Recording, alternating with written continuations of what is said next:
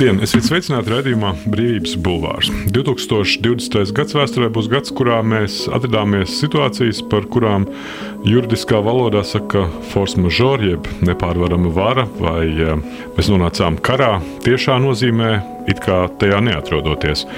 Bailes, drosme, naids, riebums, līdzjūtība, izpratne šie vārdi atgriezās ar lielāku intensitāti mūsu vārdu krājumā. Jautājums, vai karš mūs padarīja gudrākus, vai cilvēki mainās, vai paliek tādi paši kā iepriekš.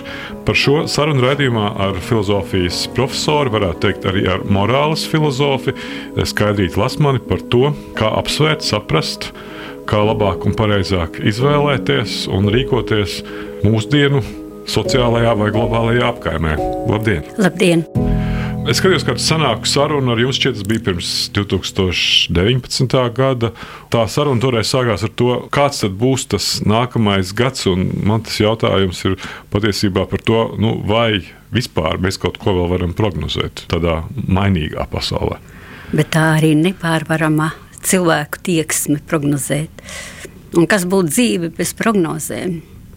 Tas ir par rezultātu. Ja mēs skatāmies, tad rezultāts neviens arī tas, kas izsaka prognozes, jau nekad nesola tiešu rezultātu. Kaut kāda atbildība jau ir arī par prognozēm. Bet, ja kara sakarā, tad par vienu prognozi es, es, es pat brīnos par tās prognozes precizitāti. Es ceru, ka jums un arī lielai sabiedrības daļai Latvijā ir pazīstams tāds vārds Toms Stēns Eliots. Arī Nobela prēmijas cilvēks, dzēnieks un esejists. Un 48. gadā, tūlīt pēc otrā pasaules kara, tad bija ļoti daudz apsvērumu par to, kā nekad vairs jo slaktiņš bija briesmīgs kā jebkurš karš. Un tad eh, tās prognozes bija visdažādākās, bija pat piedāvājums radīt jaunu civilizāciju un tikai tad iztiks bez kara.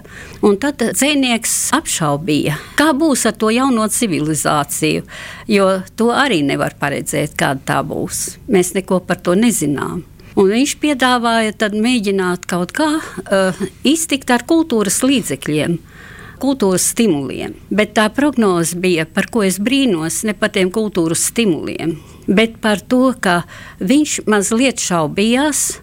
Kā būs ar Krieviju? Jo viņš uh, uzskatīja, ka Krievijas imperialisms citas tautas un citu tautu kultūras uzskata par zemākām.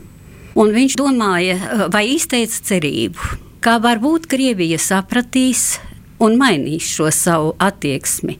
Nicinošo vai nerespektējamo attieksmi pret citu tautu kultūrām.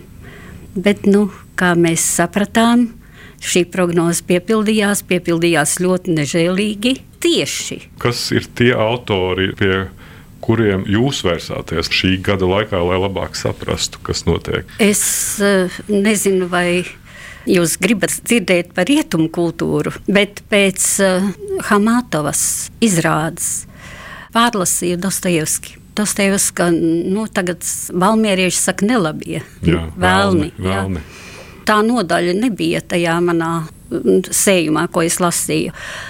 Bet, manuprāt, šis uh, darbs ir par, par šo nežēlību arī. Uh, un arī, nu, kas dziļi kultūrā šī nežēlība ir. Un, nu, viss jau ir atkarīgs no tā, kā lasa šo darbu. Un, ja nebūtu tas karš, varbūt es lasītu savādāk. Bet es lasīju tieši šo darbu arī šajā sakarā, kas ir tie cēloņi, kāpēc. Jo man nav tā kā varbūt daudzi, kuri no rietumiem šodien saka arī Timotejs Snaiders, piemēram, ka neviens nedomāja, ka tas karš tā var sākties. Nu, es domāju, ka Latvijā tā daudz cilvēki nevis nedomāja, bet domāja, ka var būt tā. Jo mēs jau par sevi domājām. Tad nu, tur tie cēloņi ir jāmeklē.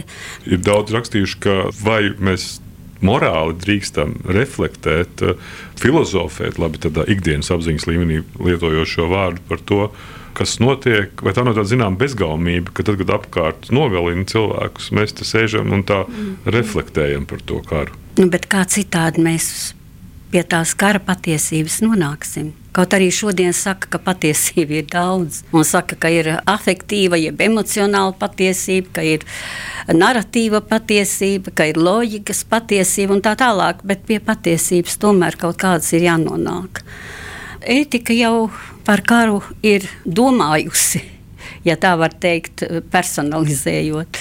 Kara ētika ir kaut arī liekas nesavienojams lietas pastāvot un ir e, ļoti plaši. Šodien pat pētījumi ir. Tas ir par e, kara cēloņiem vispirms, sākot no Augustīna vai vēl agrāk. E, tad ir par pašu kara norisi procesu. Pēdējā laikā interese ir ļoti liela par kara beigu ētiku. Tas ir pilnīgi jauns temats par to, kā pēc iespējas taisnīgāk pabeigt karu tā, lai tas miera periods pēc tam būtu ilgāks. Miera sarunas un to norise, jāsaka, uzticēšanās abām pusēm šajā sarunu procesa laikā, no tā ir atkarīgs nākamais miera ilgums. Jo, ja tās sarunas ir nepabeigtas, puspabeigtas, kāda puse ir neapmierināta, tas nozīmē, ka karš var atsākties.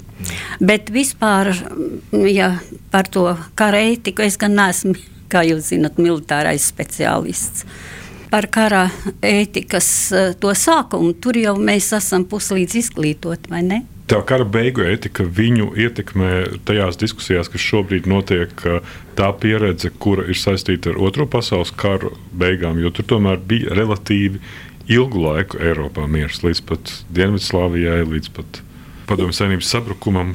Jā, tas ir agrāk. Ir eh, pētījumi par Pirmā pasaules kara ilgo noslēgumu. Un ir pat tādas uh, prognozes vai retrognozes, retrognozes tās ir uh, par to, ka karš varēja beigties ātrāk, ja tās sarunas būtu veiksmīgākas, uh, bet tur jau bija citi apstākļi un apsvērumi. Un tad ir arī par otro pasaules karu, bet ne par Protams, Ukraiņa tur ir tikai prognozes. Kā jums liekas, vai cilvēks, nu, cilvēka daba mainās?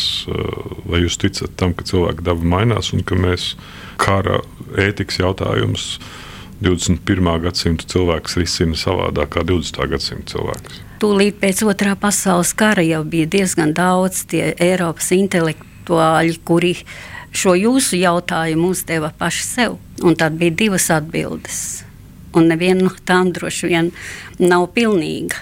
Tas ir eh, viena daļa uzskatīja, ka karš ir bioloģiska parādība un tas nav izbeidzams nekādiem līdzekļiem. Nu, tad otra daļa, pie kā mēs varam arī dzīvnieku pieskaitīt Eliotu, kas uzskatīja, ka tomēr sociāli var atrisināt kara jautājumu lai tas ne, neatkārtotos un karu novērst. Tad jūs arī saprotat, pēc otrā pasaules kara, kā radās ANO harta, piemēram, vispārējā cilvēktiesība deklarācija. Un tad domāju, ka ar šiem līdzekļiem kaut kādā veidā var, un ar kultūras līdzekļiem var šo karu novērst vispār, nu, bet nekā. Diemžēl. Skarīt Lasma iegūst filozofijas doktora grādu, specializējusies ētikas jautājumos, daudzu pētījumu un mācību grāmatu autori. Pētījusi sabiedrībā valdošo morālu un vērtības īpaši saistībā ar jauno tehnoloģiju iespējām, sociālās līdztiesības, komunikācijas un kultūra miedarbības jautājumiem.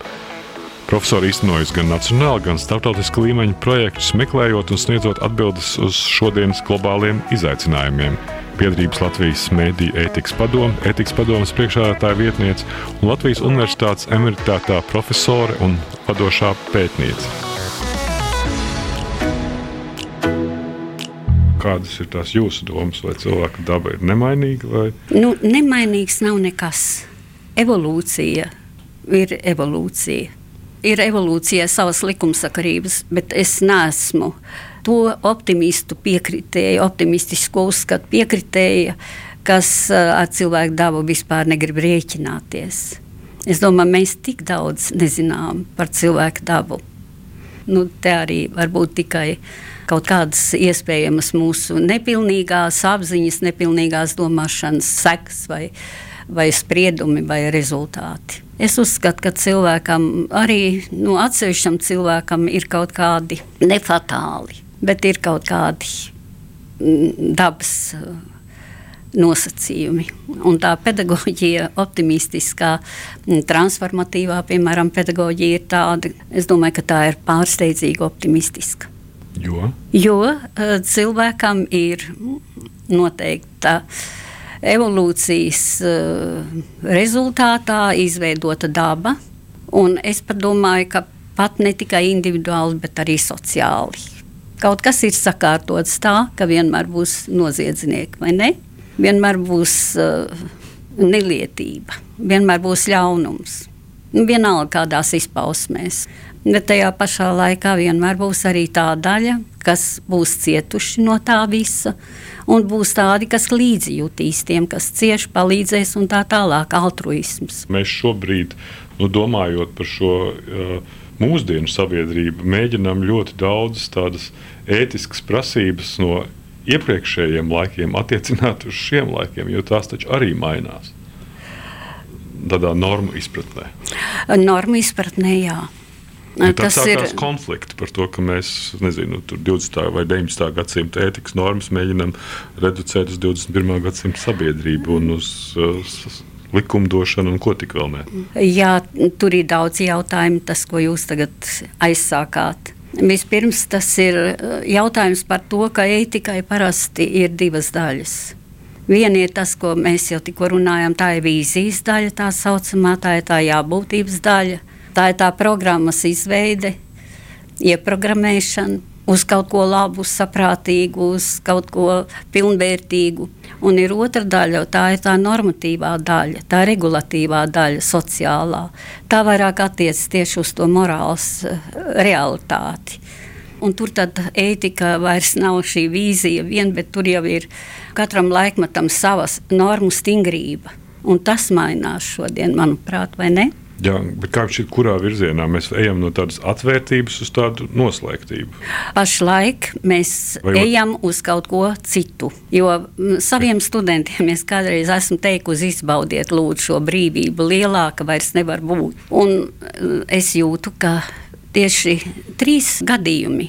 Tas ir Covid laiks, globālā sasilšana, kas draud tās saliņas daudz tur apludināt un tad cilvēki grib kaut ko palīdzēt. Un trešais, protams, ir šis nežēlīgais, nelietīgais karš.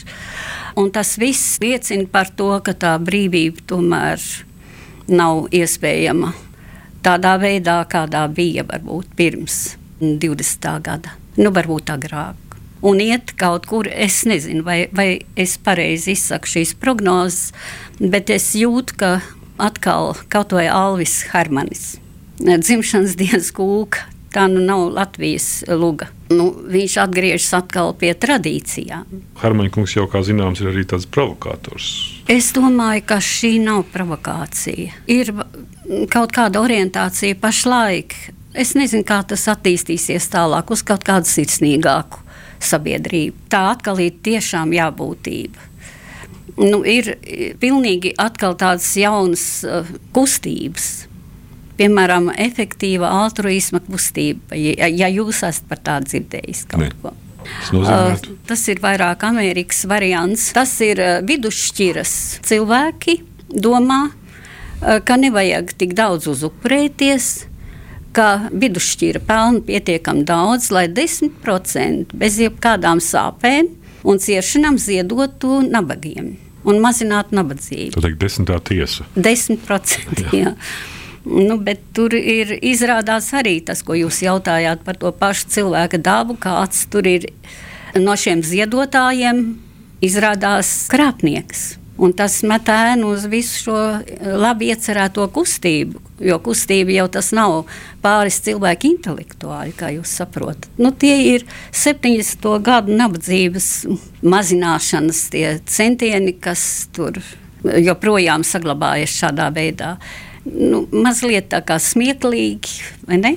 Bet arī kaut kādi cilvēki, taču daži nopietni tur iesaistās un, un tiešām domā nu, sirsnīgi, kā palīdzēt otram, kā mazināt uh, citu cilvēku ciešanas. Nu, ir tādi cilvēki, man gribētu tos ticēt. Bet nu, var jābūt tāds sirsnības mārketings, tā teikt. Nē, visiem mārketings nav. Daudziem ir. Un daudz izmanto cilvēku sirsnību mārketingam. Un tas gan ir, ir diezgan briesmīgi, jo cilvēks jau nejūt, ka viņš ir iesaistīts tajā mārketingā. Kaut vai tas, ka šodien nu, varbūt es nodarīšu pāri kādai profesijai, jo tas, ko mēs saucam par psihoterapiju. Ja? Daudzie koči, tā saucamie, pret ko es kādreiz iebildu treneri, kas uh, katram cilvēkam ir gatavi palīdzēt. Uh, palikt varīgākam, palikt spēcīgākam, palikt autonomākam. Nu, ar ko tas atšķirās no Sokrāta un Platonas sarunām? A, absolūti atšķiras. Jo Sokrata variants bija izzini pats sevi. Jo Sokrats nekad neteica, ka viņš nāks palīdzīgā. Viņš aicināja izzināt pats sevi. Un Platons, manuprāt, nu, ar Sokratu, protams, šo ievadīšanu savos tekstos. Uh, jo viņš jau parādīja, ka ir kaut kas absolūts, kas nav sasniedzams. Tā jūsu jābūtība, pret ko jūs tā skeptiski un ciniski. Mm. Un tie kauči un terapeiti saka, ka Tie palīdzēs. Jā, viņi palīdzēs. Cilvēkam pašam nevajag piepūlēties. Viņi palīdzēs, un ar viņu palīdzību, protams, pret zināmu samaksu, cilvēks paliks spēcīgs, varīgs, dibinās savus uh, uzņēmumus. Nu, ar vārdu sakot, būs la, būt laimīgs. Plātonam bija savādāk. Tas ir, mēs visi labi zinām, to neaizsniedzamo ideju absolūto pilnīgo un tālāk visas tās ēnas. Bet cilvēkam tieksme uz šo pilnību. Viņam pašam, bez gaučiem, un bez kočiem un bez uh, psihoterapeitiem, viņam pašiem tiecoties pēc skaistā, pēc labā, pēc patiesā vai neskaisti vārdi, viņš paliek labāks pats, bet tiekties. Bet, nu, tādā ziņā, kā jums šķiet, mēs dzīvojam tādā interesantā laikā, nu, salīdz, nu, jūs esat dažādos vēstures periodos dzīvojuši, tāpēc uh, mans jautājums ir leģitīms. Nu, re, vecums arī kaut ko nozīmē. Jo jaunībā un bērnībā jau visu uztver savādāk. Bet es domāju, ka šis laiks ir diezgan nešēlīgs. Man gribētos citu laiku Es zinu, ka kolēģis uh, Andris Rubenis, es kādreiz viņam jautāju, viņš teica, ka viņam kultūras pārzinātājām vislabāk gribētos 19. gadsimtā dzīvot. Avērins jau ar tā teica, ka tad nebija jābaidās no mašīnām. Nē, nē, Andra Rubeņa pamatojums nebija šis uh, tehnikas pamatojums. Man gribētos citā laikā. Kurā? Nu, varbūt, ja Latvijā lokāli un provinciāli 80. gadu beigās, 90. gadu sākumā, tad, kad notika šī transformācija. Kad visiem bruka dzīves? Jā, bet transformācija, pārmaiņas vienmēr ir saistīts ar kaut kādu brukšanu. Tas ir nenovēršami. Saka, nedod Dievs dzīvot pārmaiņu laikos. Pārmaiņām ir sava ētika, bet es domāju, tas ir cits temats. Radījums Brīvības Bulvārs. Sarunas par to, kas notiek un ko mēs par to varam domāt. Radījumā Brīvības Bulvārs saruna ar morāles filozofu Skaidrīti Lasmanu.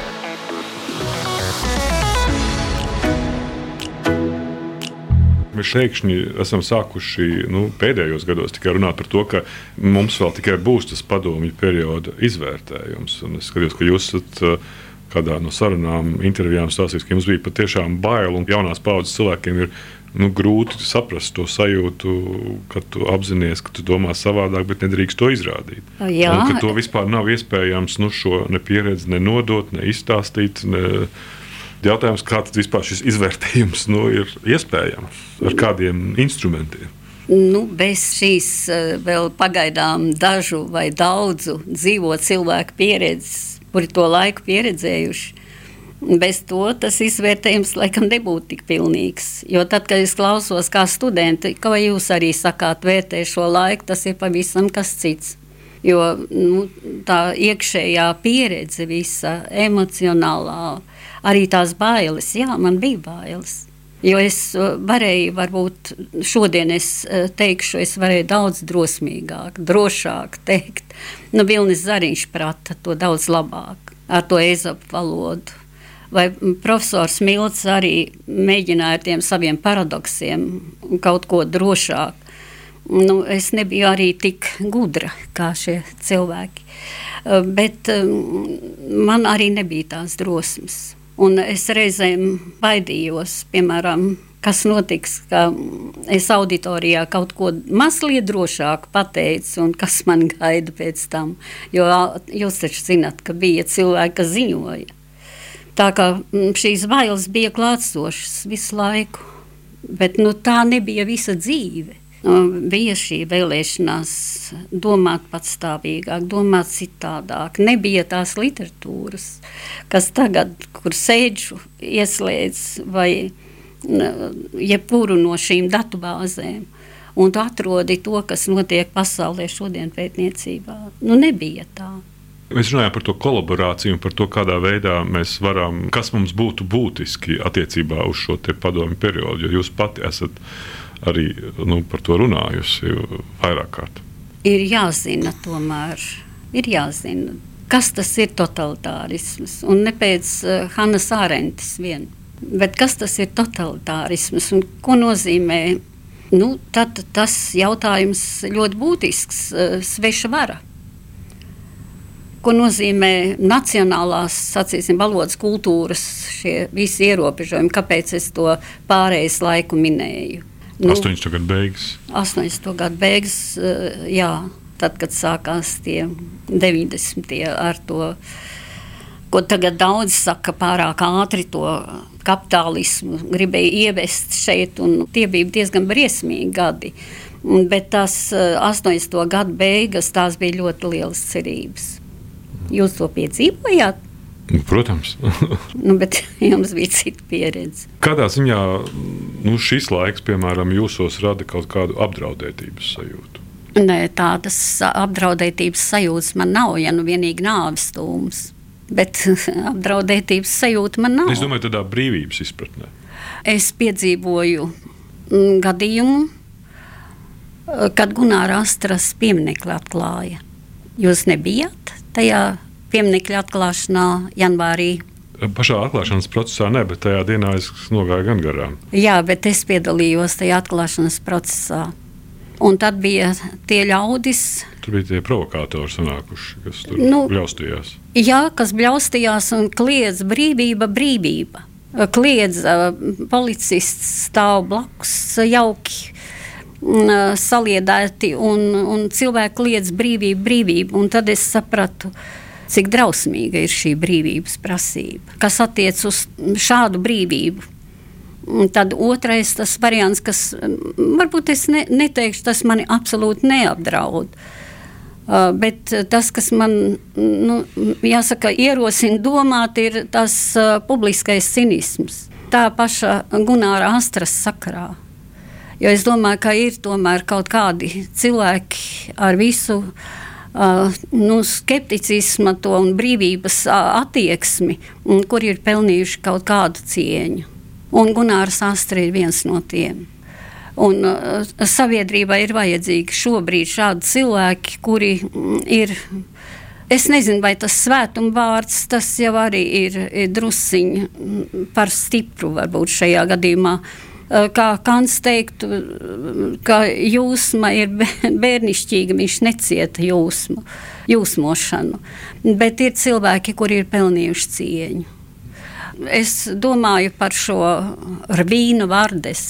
Negribu jau saukt un slavēt uh, cilvēku vārdā, kurš uzrakstīja šo asaciņu kur patiešām cinisma paraugs, es to vienmēr varētu izmantot studentiem. Par to, kā izturēties pret cilvēku, kurš ir kaut ko izdarījis savā mūžā. Doma ir tāda, ka starplaikos, starp, tad, kad viņš nesēdēja cietumos, tad Gunārs Astra audzēja puķes tāds ļoti ikdienišķs tāds priekšstats, nu, un tad, nu, jā, un pēc tam vilkās ilgi tā viņa pieminekļa tur veidošana un tā tālāk. Ar vārdu sakot, vēl tur minēts iekšas. Tas, kas ir atceraties, tur tas Gargantija un Pantagrievs, franču tie autori, kas uh, tur spēlējas ar, ar šādām te, šiem vārdiem. Nu, ar vārdu sakot, nekādas cieņas pazīmes tur nav, es neskatu. Viens cinisms. Un iznīcināts tas, kas varbūt uh, Latvijā šobrīd arī vajadzīgs. Nu, jebkurā kultūrā ir vajadzīgs kaut kāds paraugs, vai ne? Un no padomju laikiem Gunārs Astra tomēr varētu būt viens no paraugiem. Jūs viņu tā kā kultūras personību liktu? Es liktu viņu kā personību vispār. Es nedomāju, ka kultūras personība tas ir cits mazliet jautājums. Kultūras varoņi ir tie, kas ir literatūrā, bet viņš bija reāls cilvēks, nevis kultūras varonis. Nu jā, es teiktu, ka šeit vispirms ir nepieciešams zināšanas nodot par to, ka tāds Gunārs Astra vispār bija un tur ar pieminiektu vien nepietiek. 50% tikko aptauja. Jā. 50% zina Latvijā drusciņi virs, kas ir Gunārs Astra. Bet 50% zina. Jūs prāt, tas ir daudz vai tas ir maz? Mūsdienām es teikšu, tas tā vidēji, jo varēja būt sliktāk. Ja tie cilvēki nemelo, ka viņi zina. No žurnālistikas funkciju viedokļa jautājums, cik tās ir šauras vai plašas. Un jārunā ne tikai no precizitātes viedokļa, interesantuma, sabiedriski nozīmīgas tematikas viedokļa. Parasti mēs saucam trīs funkcijas - izglītojošā, informējošā un izklaidējošā. Šobrīd visvairāk redzam informējošo funkciju, kur žurnālistam ir jābūt objektīvam. Es šos vārdus sen esmu svītrojis no sava repertuāra - objektivitātes neiespējamība. Tā filozofa skaidrīja Klasmana.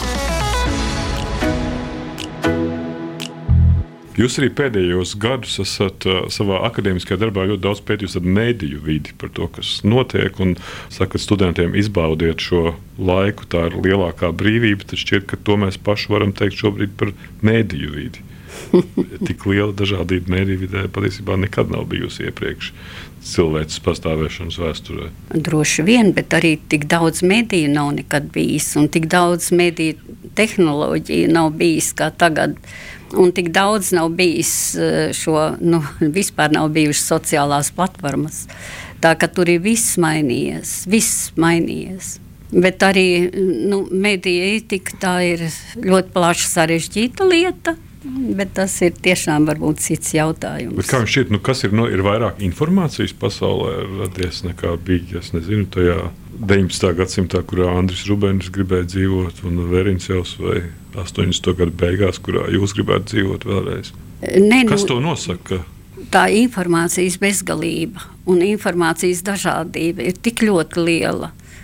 Ka man liekas, tas, ko šodien saka, tā mediju pratība, un tad, kad ar to var kaut ko tur labot, mm, tas nav iespējams. Tur ir vajadzīga cita izglītība. Šodien ir tik daudz muļķības, tik daudz muļķības, eh, ka vajadzīgs Rotterdamietis.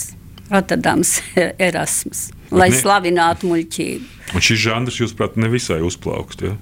Uh, Rotterdams Erasmus. Jā, diemžēl. Jā. diemžēl bet man liekas, ka vairs nevar viņu pat vairs to muļķību mm, satvert, jo tā ir tik lielās devās, ka Rotterdamietim bija savādāk. Paldies. Paldies, tā bija profesora morāles filozofa Skaidrīta Lasmane. Tas bija radījums Brīvības Bulvārs. Mans vārds ir Kins Grūba, radījumu ierakstīja Toms Šits un Montēja Noramīts. Paldies! Paldies. Brīvība ir brīvība. Nevienlīdzība vai taisnīgums, vai kultūra vai cilvēks laime. Tā teica Iesai Berlīns. Sarunas ar brīvas apziņas un ideju cilvēkiem radījumā Brīvības Bulvārs.